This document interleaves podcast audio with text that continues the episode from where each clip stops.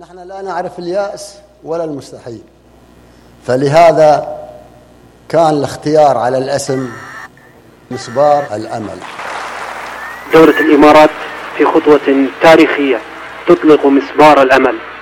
في دار زايد للسماء مسبار مسبار الأمل. كورونا يشل الاقتصاد ويقيد السفر والعرب يتحدونه بالسفر للمريخ. هجم كورونا العالم بشراسه فأجبر المطارات على إغلاق أبوابها في وجه المسافرين. وألزم الناس منازلهم فأصيبت الحياة بالشلل. وسجل الاقتصاد العالمي خسائر فادحة. ومع طول فترة الجائحة اضطرت العديد من الدول لفتح أجوائها واقتصادها. ولو جزئيا املا في بدء مرحلة التعافي رغم التداعيات السلبية لجائحة كورونا أعلنت دولة الإمارات التحدي ومضت في إكمال مشروعها لاستكشاف المريخ ونجحت في إطلاق مسبار الأمل نحو الكوكب الأحمر لتصنع تاريخا جديدا للعرب في ارتياد الفضاء لأول مرة. حول تجربة مسبار الأمل وآخر التطورات حول تداعيات جائحة كورونا على الاقتصاد والسفر تدور فقرتنا اليوم من برنامج الاقتصاد والناس مع الخبير الاقتصادي الإماراتي نايل فالح الجوابرة الذي انضم إلينا مباشرة عبر الهاتف. صباح النور أستاذ نايل ومرحبا بك دائما معنا. يعني تشأ بالأمل على مستمعينا رغم كل هذه الأحداث المؤسفة التي يشهدها العالم. صباح النور. صباح الخير عليك وعلى جميع المستمعين وعلى جميع إخواني وأخواتي والكل في أمريكا. اللي هم طبعا دائما يمثلوني في أمريكا. كل العرب كل عربي في أمريكا هو يمثل كل إماراتي وكل عربي في جميع أنحاء العرب. آه، هو مداخلتك جدا رائعة. مسبار الأمل مسبار العرب هو هو اتجاه إلى المريخ. وطبعا مثل ما ذكرتي انكسرنا اللي هو كورونا واتجهنا إلى المريخ وليس اتجهنا إلى السفر ولكن اتجهنا إلى المريخ. ليس بالامارات ولكن بالعرب جميعها اتجه إلى المريخ الجميع يطلق عليه مسبار العرب واسمه مسبار الأمل حتى يكون إلى الشباب العربي كما ذكر الشيخ محمد بن راشد ال مكتوم آه، حفظه الله أن يكون لشباب العرب هو الامل المستقبل والاتجاه إلى ما بعد المريخ أستاذ نايل كيف نجحت الإمارات في تحدي ظروف كورونا وإكمال مسبار الأمل في ظل هذه الظروف الصعبة التي يعيشها العالم؟ هي بكل تأكيد هو مدروس لها الاتجاه إلى مسبار الأمل، المسبار كان سوف ينطلق منذ آه، قبل أسبوع تقريبا ولكن تأجل مرتين. كان في تاريخ 15 بداية إطلاقه ولكن تأجل مرتين بسبب الأوضاع الجوية في اليابان من إطلاق المسبار. إلى أن انطلق في 20 7 2020 انطلق مسبار الأمل بفضل الله تعالى وهو أن يصل بعد عام في 2021 وتكون دولة الإمارات اكتملت 50 عام لتأسيسها على الاتحاد. كما كان مقرر للقائد الشيخ زايد بن سلطان رحمه الله أن يكون هناك مسبار واتجاه إلى الفضاء منذ سنوات. ليس اليوم هو مسبار الأمل ولكن مسبار الأمل منذ قيام الاتحاد أن يكون الاتجاه إلى المريخ والاتجاه إلى الفضاء. بأيدي عربية وليس بغير أن يكون هناك يعني إن كان بالأيدي العربية أو إن كان بالفكر العربي والدراسة. تعتبر دولة الإمارات دخلت من التسع دول التي هي تقوم بدراسة المريخ وهو الكوكب الأحمر والآن بدراسة عربية تكون هناك دخول التاريخ بكل نواحيه واتجاهنا إلى المريخ بأيدي عربي. أستاذ نايل كيف يمكن أن توضح لمستمعينا الدور الإماراتي في صناعة وتجميع المسبار وعملية إطلاقه، كذلك استقبال وتحليل البيانات التي سيرسلها المسبار فيما بعد، هذه المعلومات آه، غائبة قليلا عن المتابعين ونتمنى أن تلقي الضوء عليها. طبعا مثل ما ذكرتي إن المسبار كان تصنيعه وتجميعه في في دولة الإمارات في دولة الإمارات في مركز الفضاء الشيخ محمد بن راشد في في الخوا في منطقة اسمها الخوانيج في دبي. وكان التجميع وإنتاج هذا المسبار في دولة الإمارات ثم انطلاقه إلى اليابان لمنطقة الإطلاق، منطقة الإطلاق لا توجد لدينا في دولة الإمارات أو في الدول العربية منطقة لإطلاق هذا الصاروخ، طبعا يحتاج قوة كبيرة لإطلاق هذا الصاروخ قوة كبيرة لإطلاقه إلى الفضاء. فكان التجميع والصناعة آه، إماراتية 100% والاتجاه إلى اليابان في إطلاق وكما ذكرت أن هناك يقوم بالدراسات. الآن هي تعتبر أول دراسة أو أول دولة في العالم تقوم بالدراسات الحديثة والتقاط الصور اللي تعتبر مرئية بالنسبة إلى المريخ وتحليل بالمريخ مباشرة من المنطقة مباشرة وإصدار تقارير مباشرة تعتبر هي التقارير العربية الأولى للمريخ وهي وهي الأولى أيضا المرئية في العالم وهي طبعا تدعم الدراسات المستقبلية إن كان في دوله الإمارات أو الدول العربية أو إن كان إلى العالم، هناك تقوم شراء هذه الأبحاث شراء أو أو معرفة ما هو سوف يقوم في المستقبل بالنسبة للمريخ وكيفية معالجة اللي هو يعتبر النيتروجين والأكسجين أيضا في المريخ. أستاذ نايل يعني اهتم العالم بأجمعه بإطلاق دولة الإمارات لمسبار الأمل لاستكشاف كوكب المريخ كما أشرت إلى الكوكب الأحمر، ليس فقط الصحافة العربية، الصحافة الأمريكية، الكل تابع هذا الإنجاز التاريخي وطبعا ألف مبروك للإمارات وللعرب، تزامنا مع الذكرى الخمسين لإنشاء دولة الإمارات، لكن هناك من يعني يقول عدد من الكتاب رأوا أن مسبار الأمل إنجاز إماراتي وعربي، بينما فريق آخر يرى أن الإنجاز يحسب للإمارات فقط لأنه العرب عم عم يقضوا أيامهم في صراعات وحروب ولكن آخرون ألمحوا إلى أن المسبار ليس انجازا حقيقيا حيث سبقت دول أخرى الإمارات إلى هذه الخطوة، هل المسبار مشروع دعائي فقط أم سيعود بمكاسب حقيقية على الإمارات والعرب يتساءل محللون وطبعا بشفافيتك المعروفة معنا أستاذ نائل أنت الأجدر أن تجيب على هذا السؤال. انت طبعا جعلت السؤال من شقين. خلينا بالشق الأول اللي هو هل إن إحنا آه، مسبار الأمل إنه الجميع أطلق؟ يعني إحنا أنا ذكرت إن يعتبر الدولة التاسعة لإصدار هذا الصاروخ. في مسبار الأمل هو يعتبر الدولة التاسعة لاكتشاف المريخ. طب ما عندنا ثمان دول طلعت إلى المريخ. لكن الاكتشاف الجديد هو اكتشاف مرئي. التقنية الحديثة لاكتشاف المريخ وهو ما تبحث عليه دولة الإمارات. وطبعا هو ليس فقط باسم دولة الإمارات أو خلينا نقول دعاية إعلامية فقط أن اتجهنا إلى المريخ. لا هذا بكل تأكيد هي دعاية إعلامية للعرب أن اتجهنا للمريخ لو تحدثنا عن كيفية هذه الدعاية الاتجاه إلى المريخ هي دعاية فعلية بوجود أيدي عربية ماهرة لاستكشاف المريخ. دائما نسمع أن هناك أشخاص عرب ولكنهم بجنسيات مختلفة جنسيات غربية ومكتشفين وعالمين إلى أنهم يرجع أصولهم إلى الأصول العربية. الآن سمي مسبار, مسبار الأمل حتى تكون إلى الدول العربية وحتى تكون إلى الدول العربية مكانة رئيسية لاكتشاف ليس فقط المريخ ولكن اكتشاف الفضاء الخارجي بأيدي عربية وبمسمى عربي، لن نقول أن هناك اكتشاف مغربي أو اكتشاف لبناني أو اكتشاف يمني إنما سوف نقول اكتشاف عربي. هو ليس اكتشاف إماراتي ولكن هذا اكتشاف عربي. إذا اتجهنا إلى النقطة الرئيسية إذا هناك دول قد اتجهت إلى المريخ فعلا اتجهت إلى المريخ لكن هذا الاكتشاف الذي سوف يكون أحدث اكتشاف بالنسبة إلى الكوكب الأحمر وتكون هناك نتائج وتقارير مرئية. الاكتشافات قبل أو خلينا نقول التي كانت قبلنا الثمان الثمان دول هي عبارة عن بدائية أو قديمة بالنسبة إلى ما وصلت إليه التكنولوجيا حديثا وأيضا بأيدي عربية. دائما نتحدث أنها ليست دولة الإمارات فقط ولكن هي بأيدي عربية حتى تكون هناك بيانات دقيقة جدا بأيدي عربية وتكون هناك تقارير وأبحاث علمية صحيحة ولكن بأيدي عربية ليست بأيدي غرب أو بأيدي فقط اماراتي يعني أركز على نقطة هامة في بداية حديثك أستاذ نايل أشرت إليها ومررت عليها لكني أتوقف عندها. هي أعتبرها رسالة أمل إلى الشباب العربي. أننا مبدعون أيضا. أننا آه، بإمكاننا أن نصل إلى مستويات من الإبداع والاختراعات في ظل كل ما يشهده العالم العربي من تراجع. لكن هناك أمل للشباب العربي. ألا ترى هذه النقطة تستحق منا نحن العرب أن نفخر بها وأن فعلا نركز عليها أن يعني نعزز الأمل في الشباب العربي الذي أصبح محبطا في كل ما يشهده العالم اليوم؟ للأسف أصبح محبطا بسبب كما ذكرت الأوضاع اللي كانت الاقتصادية أو السياسية. صرنا نتجه على الحروب صرنا نلقي شماعة الحروب هي الأساس بالنسبة إلى عربي. أصبح العربي لا يطيق العربي الآخر أي دولة إلى دولة والسبب أن هناك حروب ونزاعات للأسف على أشياء خلينا نقول بسيطة جدا يمكن حلها.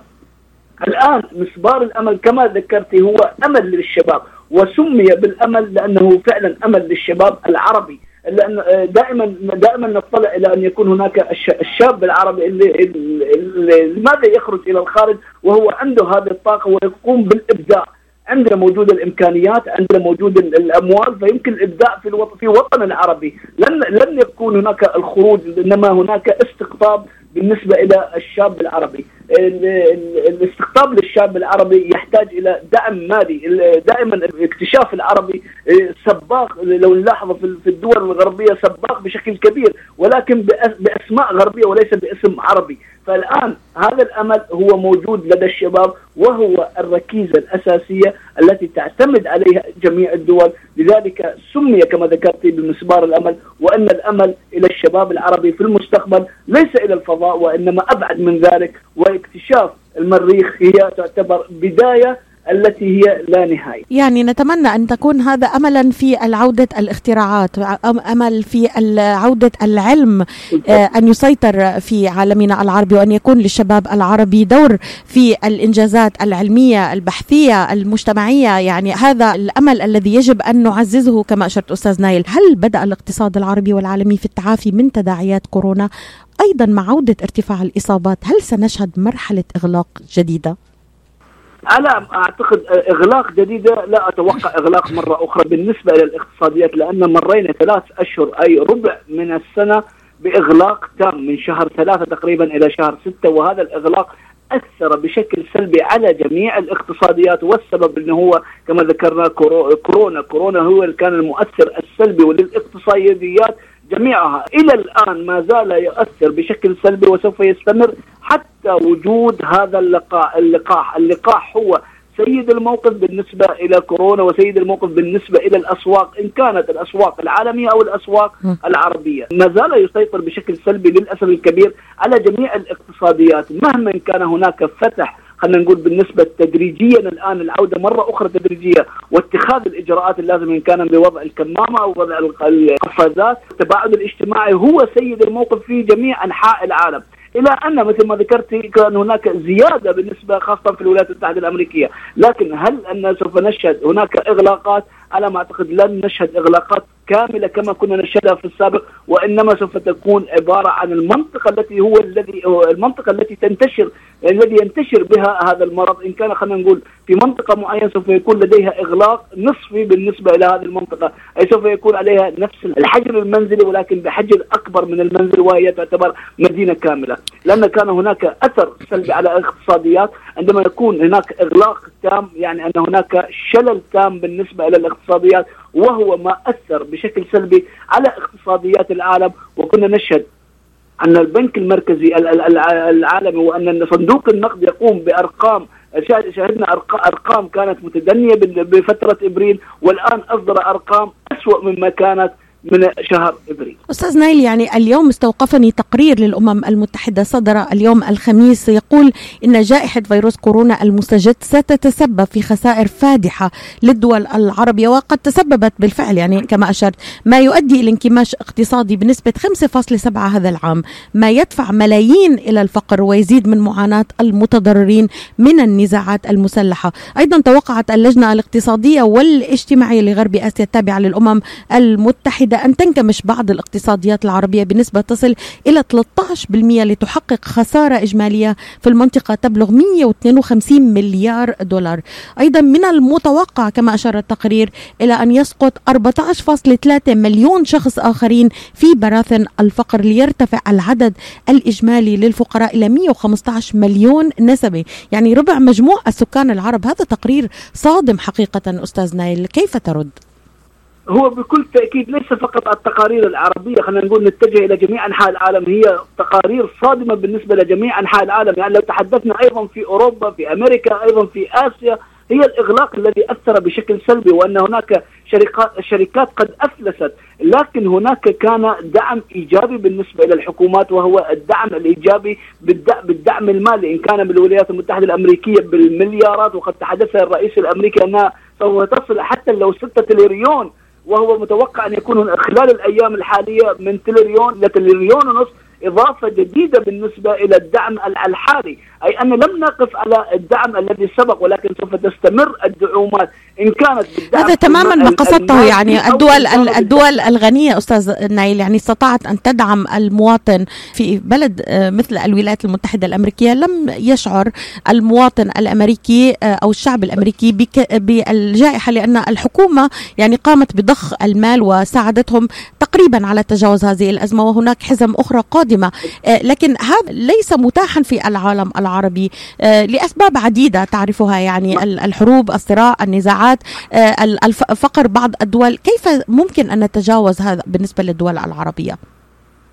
ولكن ليلى سوف يكون عليها الأثر السلبي أكبر من الدول الفقيرة لأن هناك دعم كبير وضخ سيولة كبيرة في الداخل. آه، بالنسبة للدول الغنية هي دعم سيولة بشكل كبير. قامت دول الخليج أيضا بدعم سيولة. أما مثل ما تحدثت في منطقة الحروب هي الفقر الذي سوف يزيد. مثل مثل ما مثل الدول التي الآن ما زال بها حروب ان كان اليمن سوريا ليبيا هاي الدول ما زالت هناك حروب داخلية وهي سوف تؤثر بالنسبة إلى الدعم. كما التقرير يذكر أن الدول العربية التي كان هناك دعم لا ننسى أيضا أن هناك جائحة آه، أخرى غير كورونا وهي جائحة النفط انخفاض أسعار النفط أيضا صحيح. سوف تؤثر على ميزانيات دول الخليج وسوف تؤثر على ميزانيات الدول المصدرة للنفط بكل تأكيد سوف يكون هناك عامل سلبي إلى الآن آه، الأرقام الحالية هي ليست نهائية هي تعتبر بدائية بالنسبة إلى جائحة كورونا لأن ما زلنا لم ننتهي من كورونا. إذا استمر الوضع أن عدم وجود اللقاح وعدم وجود اللقاح حتى نهاية السنة بكل تأكيد سوف يكون هناك انهيار كبير إلى الاقتصاد مهما كان الدعم. سوف تكون هناك الدول المتقدمة أو خلينا نقول الدول التي تقوم بالدعم المالي خلينا نقول غنيه أو الدول الفقيرة. مهما كان الدعم سوف يكون هناك وقف إلى هذا الدعم وسوف يحدث انهيار اقتصادي قبل أن نتحدث عن حلول أستاذ نايل قبل أن نتحدث عن حلول معك ربما تراها الآن وتوقعات. إذا إذا عدت معك إلى الضرر. يعني نعرف تماما أن الضرر كبير بالنسبة إلى الدول الفقيرة لأنها أصلا تعاني من نزاعات وحروب ويعني جاء كورونا ليكمل هذا المشهد المؤسف حقيقة ويتسبب بما نراه من زيادة ضغط ومآسي على تلك الشعوب. لكن بالنسبة لدول الخليج تحديدا يعني تحدث التقرير أيضا تعرض دول الخليج الغنية كما أشرت لضغوط بسبب الوفاء في وقت بسبب الوباء تشهد النفط كما أشرت يعني انخفاضا لأسعار النفط وهو ضغط على موازنات هذه الدول. كما شهدت أيضا بلدان ذات دخل متوسط أيضا كما أشرت الأردن مصر توقف قطاع السياحة وانخفاض التحولات المالية بين المواطنين العاملين في الخارج. إلى أي مدى تضرر الاقتصاد الخليجي من جراء أزمة كورونا أستاذ نايل؟ جميع الاقتصاديات تضررت إن كانت الدول المصدرة أو الدول المستهلكة إلى النفط، الدول المستهلكة لم تقدر لاستلام النفط أو الشراء النفط من الخارج والدول المصدرة لم تقدر عمليات البيع والسبب أن أسعارها متدنية فهي, فهي وجودها في نفس المكان النفط وجوده في نفس المكان فهو يكون لديها توفير أكبر بخروجه بأسعار متدنية جدا.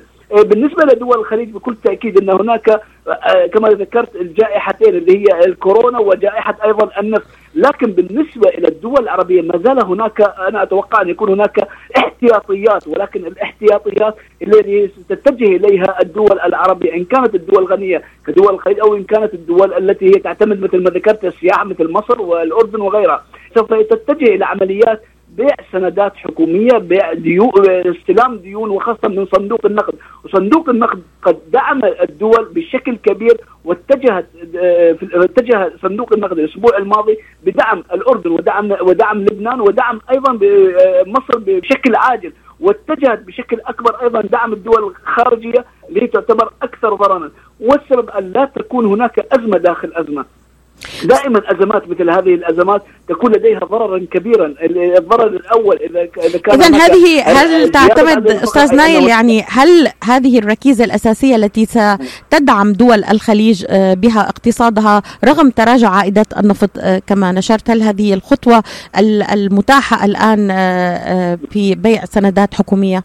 بكل تأكيد وهي ما اتجهت إليه منذ أكثر من شهر حتى الآن إن كانت في المملكة العربية السعودية أو كانت في دولة الإمارات وخاصة في حكومة أبو ظبي بيع سندات حكومية آه، طلب آه، طلب آه، ارتفاع الدين العام بالنسبة إلى الحكومات أيضا. وهذا بسبب أن يكون هناك بيع هذه السندات إن كانت حكومية أو شركات أو أو شركات تابعة للحكومة تعتبر شبه حكومية. وهذا سوف يكون لديه ضغط سيولة حتى ننتهي من جائحة كورونا. 2020 كان الضغط كبير عليه رغم أن تفائلنا خيرا في بدايتها بسبب الاتفاق بين الولايات المتحدة الأمريكية والصين إلى أن كورونا أنهى جميع هذه التفاؤلات واتجه إلى أن يكون هناك ضرر كبير بالإقتصاديات. ما زلنا نترقب أن يكون هناك اللقاح اللقاح هو سيد الموقف بالعودة مرة أخرى ولو تدريجيا بالنسبة إلى ش... بالنسبة إلى الدول إن كانت الدول الغنية أو الدول الفقيرة الدول تترقب هذا اللقاح حتى يكون هناك طمأنينة لدى الناس حتى الدول الغنية تترقب هذا اللقاح حتى تكون هناك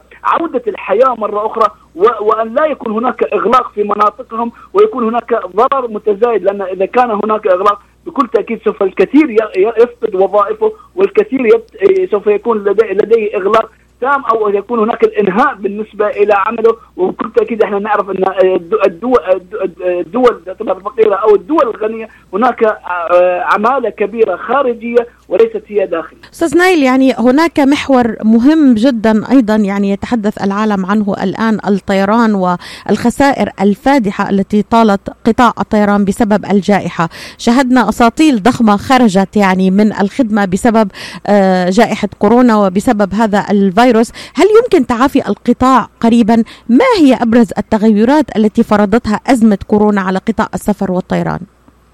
فرض عليه آه، للأسف بشكل كبير رغم أن هناك أسعار النفط هي التي كانت تؤثر على أسعار الطيران وتذاكر الطيران الآن أصبح الفرد يقوم بعملية شراء تذكرة تذكرة الكرسي الذي هو سوف يملكه للسفر إليه والتذكرة الكرسي الذي بجنبه والجنب الآخر أي أن هناك سوف يملك ثلاث كراسي وهو لا يحتاج إلى كرسي واحد بالنسبة إلى السفر. وهذا أدى إلى ارتفاع تذاكر بالنسبة إلى تذاكر السفر عالميا أيضا. إلى أن إلى الآن في مناطق لم تفتح بشكل كامل مطاراتها وهذا أثر بشكل سلبي وما زال يؤثر بشكل سلبي على الطيران، الطيران كان هو المتضرر الأكبر بالنسبة بالنسبة إلى جائحة كورونا. هناك التخلي بشكل كبير بأن هناك وقف للطائرات. لا ننسى وقف الطائرات سوف تحتاج إلى الصيانة والصيانة سوف سوف يكلف شركات الطيران أكثر مما كانت متوقعة في الفترة الماضية. وقوف الطائرات في المطارات هي سوف يكلفها الصيانة الدورية والصيانة سوف تحتاج إلى مصاريف أكبر وهو سوف تضغط على شركات الطيران. ولا ولاحظنا أن هناك شركات قد قد تعلن افلاسها إلى أن قامت الحكومات بدعمها. شركات الطيران سوف تحتاج إلى فترة أطول مما كان أي اقتصاد آخر وإن كان إلى ليست في, في إلى 20 21 وإنما 20 إلى 22 حتى يكون هناك الفتح التام وحتى تكون هناك عودة إلى الحياة. وعودة طبعا الحياة اقصدها أي أن هناك عودة إلى السياحة. ما زال إذا إذا هناك فتح المطارات سوف يتجه كل شخص إلى بلده أو كل شخص إلى موقع موقعه الخاص لإنهاء أعماله فقط. وليس بالنسبة إلى السياحة وهو المتضرر الآخر يعني نتوقع سنتين من الآن ليبدأ قطاع السياحة بالتعافي والطيران وتعود الأمور ربما إلى سابق عهده صحيح أستاذ نايل؟ يعني صحيح. يعني بنطمن المستمعين صحيح. وهذا بنطمن المستمعين إنه مع الأسف يعني انه نعم. للأسف. نعم. للأسف. إذا أنا متجه إلى الولايات المتحدة الأمريكية كنت إلى السياحة الآن لن أتجه إلى السياحة. والسبب أن التخوف التخوف من كورونا التخوف أن يكون هناك ما زال المرض منتشر. السياحة هي المتضرر الآخر ما بعد طبعا آه، الطيران. الآن تتجه لو نلاحظ أن الطيران متجه إلى دول آه، والأشخاص يتجهون إلى دولهم مباشرة ما بتتجه إلى إلى عمليات سياحية. أيضا أسعار التذاكر المرتفعة هو الضرر الأكبر بالنسبة إلى بالنسبة إلى المسافر. ما زالت الأسعار مرتفعة. كما ذكرت لك أنه يقوم بعملية شراء كراسي آه، كراسي التي هي بجواره يعني, يعني لو يستلم كرسي مباشرة فقط كرسي مباشرة والأسعار كما كانت سوف تكون هناك عودة إلى الحياة، لكن هناك عودة للحياة تدريجيا، لا ننسى أن أسعار نفط سوف تؤثر بشكل كبير على حركة الطيران وسوف تؤثر على تذاكر الطيران. أيضا الخوف أستاذ نايل كما أشرت يعني الخوف الموضوع يعني مستقبل السفر آه، في ظل الجائحة واستمرارها والفيروس الخوف أيضا من الإصابة آه، في المطارات في الطيران بالتماس أيضا. هذا هذا يعني شعور ربما لن يتجاوزه آه، الكثير يعني من من الناس قبل أن يكون هناك ربما العلاج أعتقد كما أشرت هو اللقاح إنتاج لقاح فعال وله يعني فعالية. وهذا أعتقد ما يجيب على السؤال كيف ترى مستقبل السفر بعد الجائحة أو ظل استمرارها فقط أن يكون هناك لقاح. ربما بذلك نتجاوز هذه الأزمة بالنسبة لقطاع السياحة. هل نستطيع أن نقول ذلك أستاذ نايل؟ بكل تأكيد وجود اللقاح سوف تعيد أيضا الاقتصاديات ما زالت الأموال التي خرجت في أزمة كورونا لم تعد حتى في الأسواق المال ما زالت تترقب هذه السيولة التي خرجت بشكل كبير وإن كانت خاصة من الصناديق الاستثمارية، نحن في في أسواق المال ننتظر هذه الأموال التي خرجت بالتريليونات إلى الخارج وهي تترقب عوده عودتها مرة أخرى. آه الكثير يقول إن هناك ارتفاع بالأسواق، فعلا هناك ارتفاع بالأسواق، فعلا أن هناك عمليات شرائية. ولو يلاحظ أي مستثمر أن هناك ارتفاع في الأسواق وان كانت الأسواق الأمريكية هناك ارتفاع بأسعار الذهب، الذهب الأصفر وهو يكون هناك تحوط بالنسبة إلى هذه الصناديق أي أن ما زال هناك عامل الخوف مستمرا بأن يكون هناك استمرارية لهذه الجائحة. آه، إلى الآن وجود اللقاح هو سوف يعيد الحياة مرة أخرى، سوف يعيد آه، جميع الاقتصاديات مرة أخرى لما كان عليه لكن بكل تأكيد سوف نحتاج إلى الوقت كما كانت الأزمة المالية 2008 احتجنا إلى وقت أكثر من أكثر من سنتين وهي هذه بكل تأكيد سوف تحتاج إلى وقت إلى عودة الحياة مرة أخرى وعودة وعودة وعودة وعودة الحياة لا نريد عودة كورونا أستاذ نايل لا نريد عودة كورونا. أستاذ أستاذ نايل يعني تبقى لدي آه، ربما آه، دقيقتين أو ثلاث ولكن هناك سؤال فعلا من أحد مستمعينا ملح. يعني كيف ترى آه، الدول الأكثر تضررا؟ كيف ممكن أن تتجاوز هذه الأزمة أستاذ نايل. يعني آه، كما أشرت 14.3 مليون شخص آه، سوف يقعون في براثن الفقر. تراجع التحويلات الخارجية آه، بسبب جائحة كورونا المقتدرين ربما الآن يعني خففوا تحويلاتهم الخارجية اللي كان كثير من الأهل بيعتمدوا عليها. إذا الدور المجتمعي الآن الذي تراه للتخفيف من هذه الضغوط على الدول الأكثر فقرا والتي يعني واقعة تحت ضغط الحروب وكيف يعني بماذا تقترح أستاذ نايل؟ ما هي الحلول برأيك؟ ليلى هي ليست خلينا نقول تقليل التحويلات لكن لا تنسي إن كان هناك إغلاق.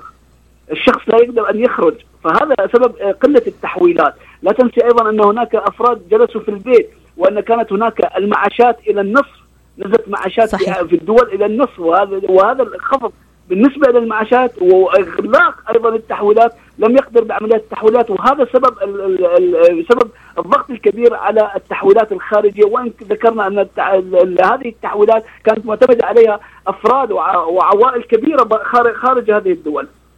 لكن هي إلى الآن جائحه كورونا ما زالت التخوف بعودتها مرة أخرى وعودتها بشكل كبير، لا ننسى أن فصل الشتاء قد قد قد حان بقربه، إيه، وجود اللقاح وهو سيد الموقف سوف ينهي هذه هذه الجائحة بشكل كبير، إيه، الحلول بالنسبة إلى خلينا نقول بالنسبة إلى المجتمعية وخلينا نقول بالنسبة إلى الأفراد هي التماشي مع الحياة.